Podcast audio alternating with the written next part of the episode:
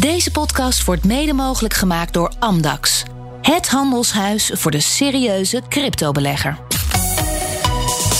BNR Nieuwsradio. De Cryptocast. Herbert Blankenstein.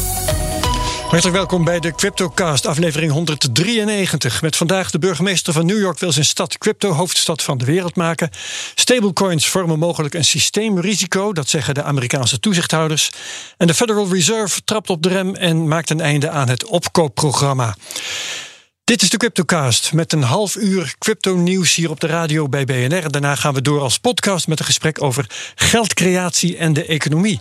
Dat doen we met als gast Ewout Jansen, auteur van Geld, Schuld en Banken en docent Finance en Economics eh, aan de Fontys Hogeschool in Eindhoven. Welkom Ewout. Dankjewel.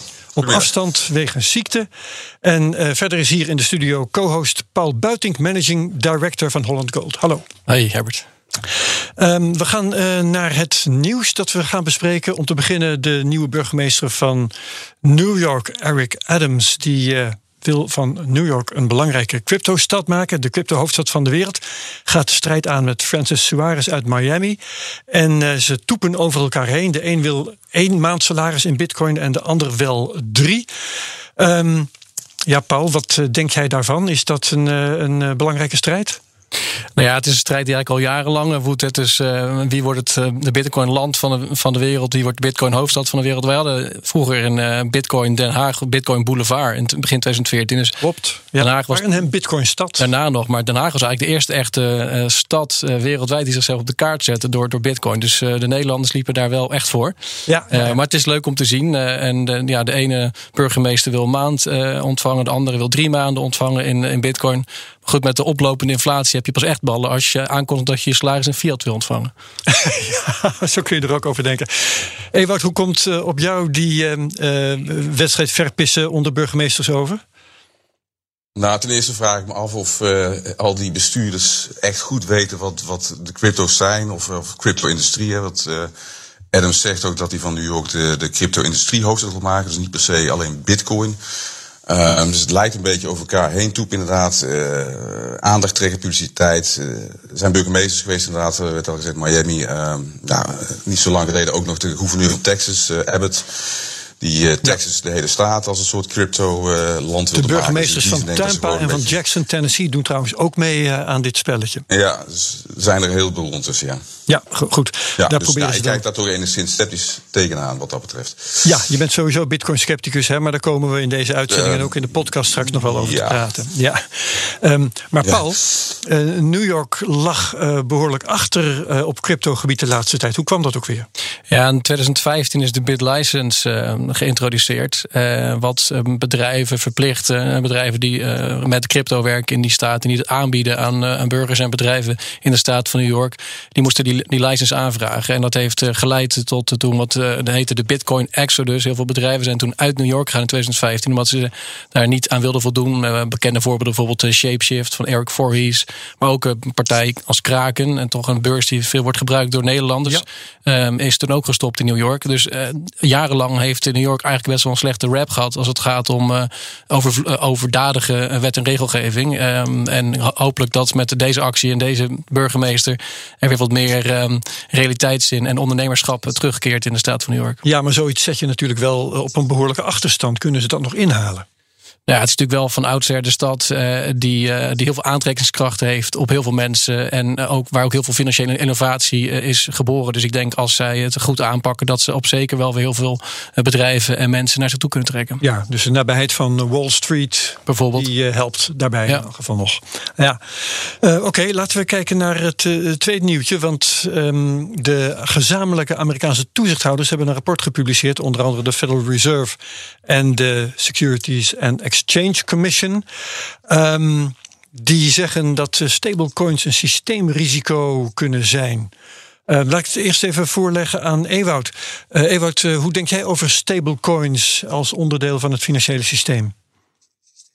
Ja, goed, de grote vraag bij die stablecoins is natuurlijk toch in hoeverre ze echt uh, gedekt zijn. Hè? Dus de, de bekendste Tether die, uh, is één op één, op één uh, gekoppeld aan de dollar. Dus één Tether zou één dollar exact moeten zijn. Soms is het daar iets onder, soms iets boven. Dus die pack werkt niet 100%. Maar goed, um, ja. de vraag is natuurlijk, wat, wat zit daarachter? Welke assets hebben ze om die, die, die koppeling te boren? Um, dat is nog steeds onduidelijk. Ze hebben zelf eerst gezegd dat het 100% gedekt is. Nou, er zijn nu vragen over. En um, ja, de Fed zal inderdaad kunnen vragen om de boeken echt te openen, zodat er wordt gekeken wat, wat precies de assets zijn die eronder liggen. En uh, nou, eerder is volgens mij al gebleken dat bijvoorbeeld niet alles dollar gerelateerd is, maar ook Chinese leningen. Of soms zelfs andere cryptocurrencies. Dus dan kun je afvragen in hoeverre inderdaad die, die pack te handhaven is. En wat er gebeurt als mensen die, die, uh, die stablecoins zouden willen omruilen in echte dollars hè, op een gegeven moment. Want dat is natuurlijk eh, waar het dan uiteindelijk om gaat. Ja, ja, ja. Um, dat is een mogelijk risico inderdaad. Inderdaad. Als de dekking uh, niet blijkt te zijn wat beloofd is. En Paul Buitink, zie jij de stablecoins als een systeemrisico? Nou, laten we vooropstellen dat er een aantal hele mooie initiatieven zijn, eh, zoals uh, Pax, uh, Dollar en ook Circle, die met, met USD zie je ook natuurlijk allerlei stablecoins nu aan het grootmaken zijn, die al richting, richting Tether gaat. Tether is nog steeds de grootste, ja. maar de andere initiatieven die zijn veel transparanter, die laten zien dat ze wel goed gedekt zijn. En ook Tether wordt steeds transparanter en krijgt ook steeds betere dekking. Dus ik denk door de discipline die de markt oplegt, dat Tether hopelijk steeds, steeds beter wordt wordt qua transparantie en qua dekking. En we hebben daar nu uh, twee grote uh, andere naast. En er komen nog meer stablecoins. Dus ik denk dat ik hoop eigenlijk dat die markt uh, de goede kant op beweegt. Maar ik begrijp de zorgen die ze in de Verenigde Staten hebben. Want als het nu mis zou gaan met Tether, zal het absoluut wel consequenties hebben voor het systeem. En zij maken zich natuurlijk ook primair zorgen over de veiligheid voor een investeerder en consument. Dat die goed wordt voorgelicht en dat die in een juist product kan, kan kopen. Um, dus ja, dat is een, een zorg die ze hebben. Uh, en verder dan de, de stabiliteit op, uh, op macroniveau. Dat is een andere zorg. Ja, ja, jij zegt dus eigenlijk het belang van die tether neemt af. En hun uh, dekking of de mate waarin ze dat kunnen, die kunnen hard maken, die neemt toe. Dus het probleem wordt eigenlijk met de tijd steeds minder. Ik denk het wel, ja. Ze, ze hadden in eerste instantie maar 4% cash. En, en, en nu hebben ze steeds meer cash en ook steeds meer kortlopende staatsobligaties. En die leningen die Ewout noemde in, in China, dat, dat zijn geen yuan-leningen, maar dat zijn gewoon dollarleningen in, in China. Uh, maar goed, eh, er zijn heel veel vragen nog steeds bij waar ze precies, eh, aan wie ze precies hebben geleend, welke bedrijven. Daar moet Tether nog steeds ja. transparanter in worden. Maar de, de, de, de trend is denk ik goed. en dus als dit zo doorgaat en Tether wordt steeds kleiner ten opzichte van de rest, dan kunnen we het probleem denk ik wel beheersbaar houden. Ja, zo te horen, Ewart Jansen, we zitten op afstand, maar wilde jij daarop ingaan? Ja, nou, wat je wel ziet natuurlijk door deze ontwikkeling is dat hè, de cryptocurrencies zijn natuurlijk een beetje, in mijn optiek althans, geboren uit een soort gist, uh, anarchistische tendens. Hè, van los van, van anarchistische tendens, los van vestige anarchistisch. Ja. In de zin van hè, vrij van, van, van de gevestigde instanties, uh, vrij van het standaard financiële systeem. Maar door dit soort dingen en toezicht en transparantie is het natuurlijk toch ook bewegen, aan het bewegen richting een meer ja, gereguleerde systeem. En in die zin verliest dan de crypto-wereld zijn, zijn zeg maar oorspronkelijke, wat ik noem anarchistische ja. Nou hoeft dat niet per se slecht te zijn. Um, maar het idee is dus nee, dat, nee, dat, met, ja, dat met toezicht dat uh, de kans op een, een bankrun, hè, dat alle mensen die tellers hebben uh, dollars voor hun tellers terug willen, dat dat ja. niet meer een probleem zou opleveren, dat die dekking in orde is. Um, maar hoe, met wat voor soort toezicht zou dat gepaard moeten gaan? Ewout. Ja, ik denk hetzelfde als, als op, op, op andere op banken in wezen. Je hebt hier een wezen, je, ja, ik weet niet of je het zo kunt noemen, maar de, die stablecoins zijn een soort reserve valuta natuurlijk uh, in de cryptowereld waarmee gehandeld wordt. Ja. Uh, en niet zozeer in de cryptovaluta dan zelf. Ja, uh, dan zul je, zul je dat dezelfde soort toezicht moeten hebben als de, van een centrale bank op het verdere financiële systeem. En dat is denk ik waar de Fed nu naartoe wil. Ja. Uh, om die systeemrisico's uh, ja, te verkleinen. Je kunt nooit geen, daar zullen we het later misschien nog over hebben. Risico's volledig uitbannen is, is, is niet mogelijk. Uh, maar je kunt ze wel proberen te verkleinen en ook inzichtelijk te maken van waar zitten risico's en waar, waar, waar kunnen we tegenaan lopen. Ja, zeker. dat is nu, ja, denk ik, nog steeds niet echt transparant. En er wordt wel gezegd, Tether zou een alternatief kunnen zijn, Paul, voor de central bank digital currencies. De, als, als er een Tether is een digitale dollar waar iedereen zijn gang mee kan gaan, dan hoeft de Verenigde Staten geen eigen digitale dollar uit te geven. is dat iets waar jij wat in ziet?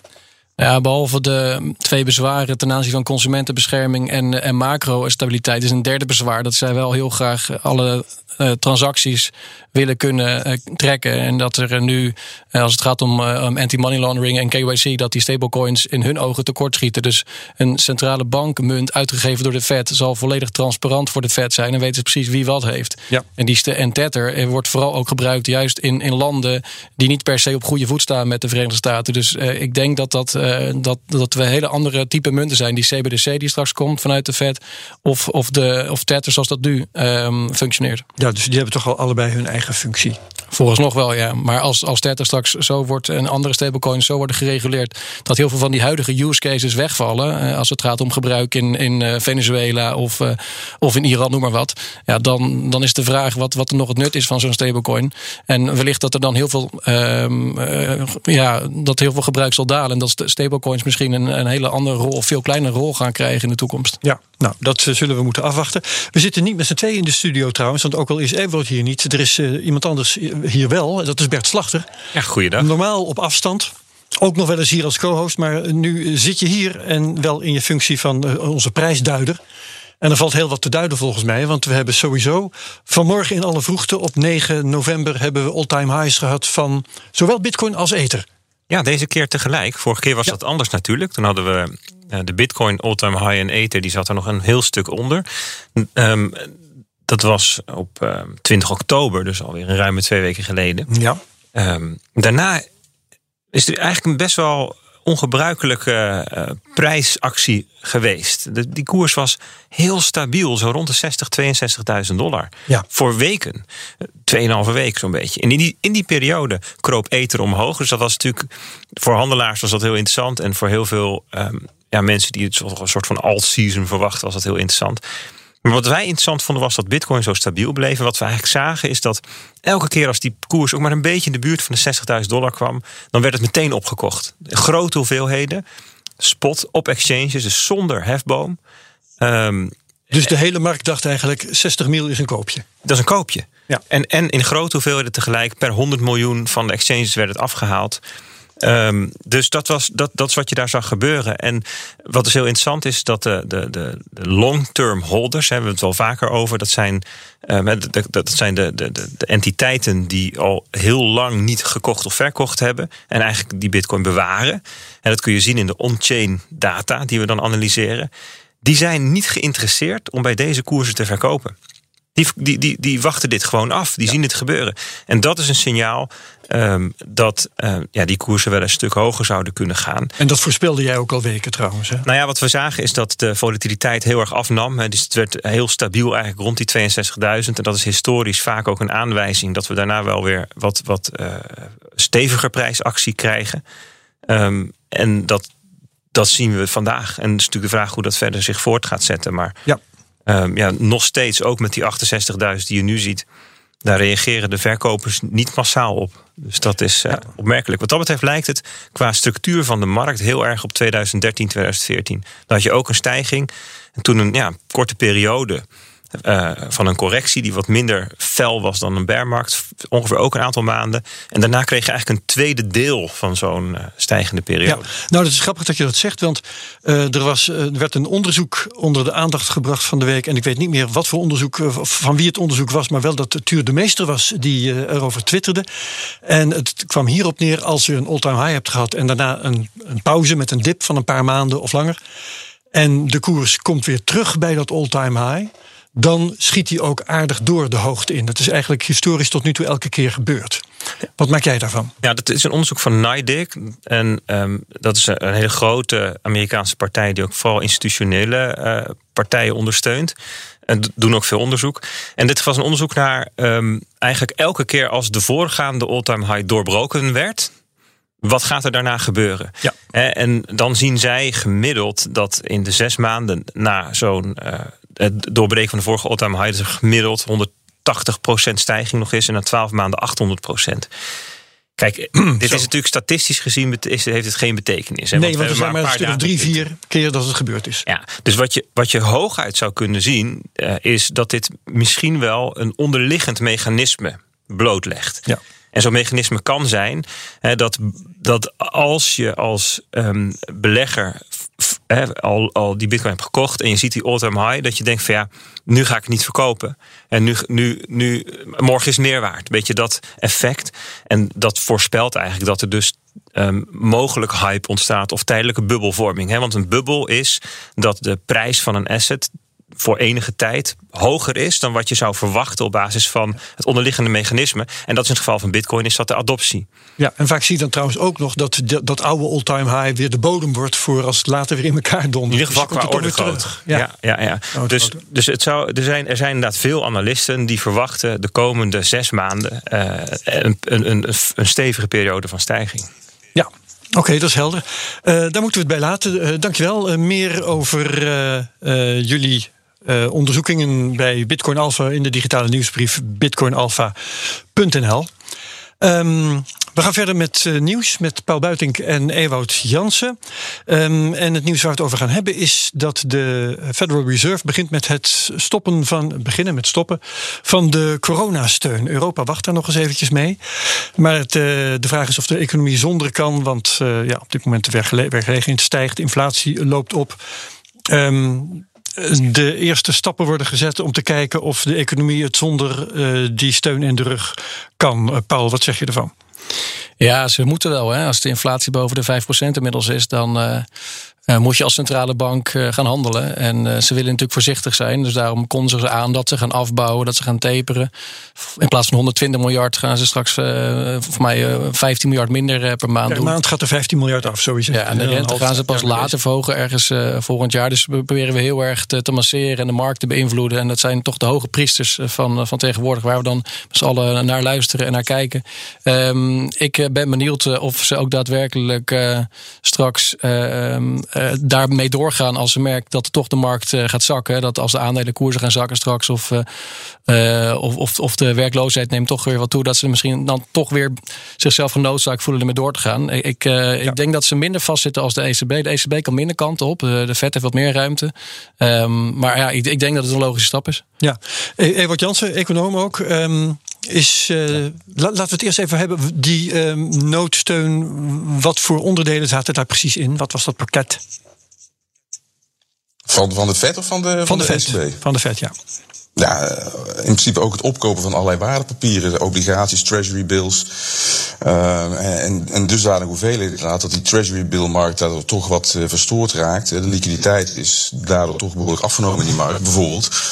Um, vanwege dat gigantische volume wat er uh, ingepompt wordt door de Fed. Dus ja, dat dat een keer afgebouwd moet worden is op zich helder. Nu is het natuurlijk, Paul noemde net die inflatie die, die oploopt. Het belangrijkste, het belangrijkste punt daarbij is denk ik, uh, ook voor de Fed om verder te kijken, is dat een tijdelijk iets, de, veroorzaakt door het ja, opstarten van de, heropstarten van de economie, het, de supply chains die in de war zijn gestoord, um, of is dat meer een structureel fenomeen? Um, nou, als ik de Fed hoor, zeggen ze zelf van wij gaan er vooralsnog vanuit, en de ECB zit op hetzelfde spoor, dat uh, die inflatie uh, transitory is, dus tijdelijk. Uh, overgang van, ja. van die uitzonderlijke coronasituatie waar we in zaten naar een ja, meer normale economie.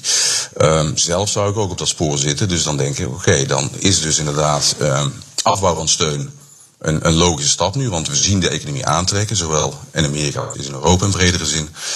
Uh, maar ja, er blijven slagen om de arm gehouden worden. Dus de Fed zegt ook, we hebben natuurlijk altijd de, de mogelijkheid om toch um, een andere, iets andere richting in of bij te sturen, beter gezegd. Uh, mocht de situatie daartoe uh, noodzaken. Oké, okay. Paul, um, wat is de relevantie van deze stap voor de cryptomarkt eigenlijk? Nou ja, je, je, je, zou kunnen stellen dat uh, crypto vooral profiteert van uh, slecht uh, monetair beleid en, en bijvoorbeeld te hoge inflatie, waardoor mensen vluchten naar allerlei assets, waaronder crypto. En als de centrale banken wereldwijd de inflatie proberen te beteugelen met hoge rentes, dan zou dat op zich bearish kunnen zijn voor crypto. Maar dat is best wel een negatieve view. Je kan ook denken, mm -hmm. nou, crypto is vooral ontstaan dat mensen op zoek zijn naar een nieuw geldsysteem, een manier om wereldwijd te betalen over grenzen heen om smart contracts te bouwen, om, om buiten censuur te, te kunnen handelen. Al dat soort argumenten blijven natuurlijk nog steeds staan. Dus ongeacht het, het rentebeleid van een, van een centrale bank, zijn dat nog steeds hele valide redenen om crypto te omarmen. Dus het heeft een, het heeft een, een, negatief kant, maar crypto blijft gewoon doorgaan. of ze de rente er wel of niet gaan verhogen. Ja, helder. Um, voor meer crypto-nieuws hebben we trouwens elke week ook nog een crypto-update. Die is op donderdag om tien voor half eh, tien op BNR. En ook als podcast verkrijgbaar via bnr.nl en de andere platforms. Ik wil het met jullie even hebben over wat we uh, na deze uitzending in de podcast gaan doen. Dan gaan we het hebben over uh, Ewout zijn boek Geld, Schuld en Banken. Geldschuld en banken was het geloof ik, Ewout. de titel is even uit mijn beeld Geldschuld en banken en ja. uh, nog een mooie ondertitel. Mythes en misverstanden rondom geldschepping en kredietverlening. Ja, uh, gaat dus onder andere over geldcreatie. Ehm, ja, geldcreatie, ja. hoe gaat dat in zijn werk? Ook weer? Nou, het hangt natuurlijk vanaf uh, welke vorm van geld het over hebben. Mijn boekje gaat voornamelijk, zoals de titel ook aangeeft, over uh, geldcreatie door onze commerciële banken. Dus niet de, niet de centrale banken. Um, en dat gaat, zoals ook de titel af te leiden is, via het proces van kredietverlening. Um, ja, ik kan misschien nu ja. al wat uitgebreid op ingaan of start Nee, dat kan nu niet, want er is, daar is nu geen tijd voor. We moeten het nu even kernachtig houden. okay. um, maar uh, waarom, wordt, uh, waarom vindt geldcreatie plaats op die manier bij die kredietverlening? Dat is dus waar jij het over hebt in je boek. Ja, nou, dat is, dat is eigenlijk het uitvloeisel. Maar het is, uh, kredietverlening betekent in wezen dat, je, dat er een partij is die een belofte doet. Hè, die, die, wil, die wil eens kunnen kopen zeg maar, wat die, waar die nog niet middelen voor heeft. Uh, ja. Die gaat aan op zoek naar een leverancier of een andere tussenpersoon om dat te kunnen doen. Um, die die kredietnemer die doet dus eigenlijk een belofte van oké, okay, ik wil dit nu hebben, maar ik beloof dat ik in de toekomst productief zal zijn en daardoor die, die schuld kan inlossen. Dus um, het geldscheppingsproces wat we via de bank hebben is in wezen wat we noemen een proces van um, wederzijdse schuldaanvaarding. De ja. bank die, die neemt een claim op de kredietnemer en vice versa. En dat wordt uh, vanuit de Bitcoin-wereld wel voorgesteld als dat banken uh, uh, voor hun eigen gerief ongebreideld geld kunnen scheppen. Dat is wat jij bestrijdt in je boek. Ja, dat hoor je. Daar gaan we het straks in de podcast over hebben. Ja. we moeten er wat de CryptoCast op BNR betreft nu mee stoppen. Dus Ewout Jansen, econoom en docent aan de Fontes Hogeschool in Eindhoven, bedankt. Tot straks in de podcast. Ook co-host Paul Buitink bedankt. Um, we gaan door in de podcast podcast. Dus wie meegaat, heel graag tot straks. Wie uh, hier afhaakt, ook hartelijk dank. En graag tot de volgende week bij de Cryptocast op BNR. Deze podcast wordt mede mogelijk gemaakt door Amdax. Het handelshuis voor de serieuze cryptobelegger.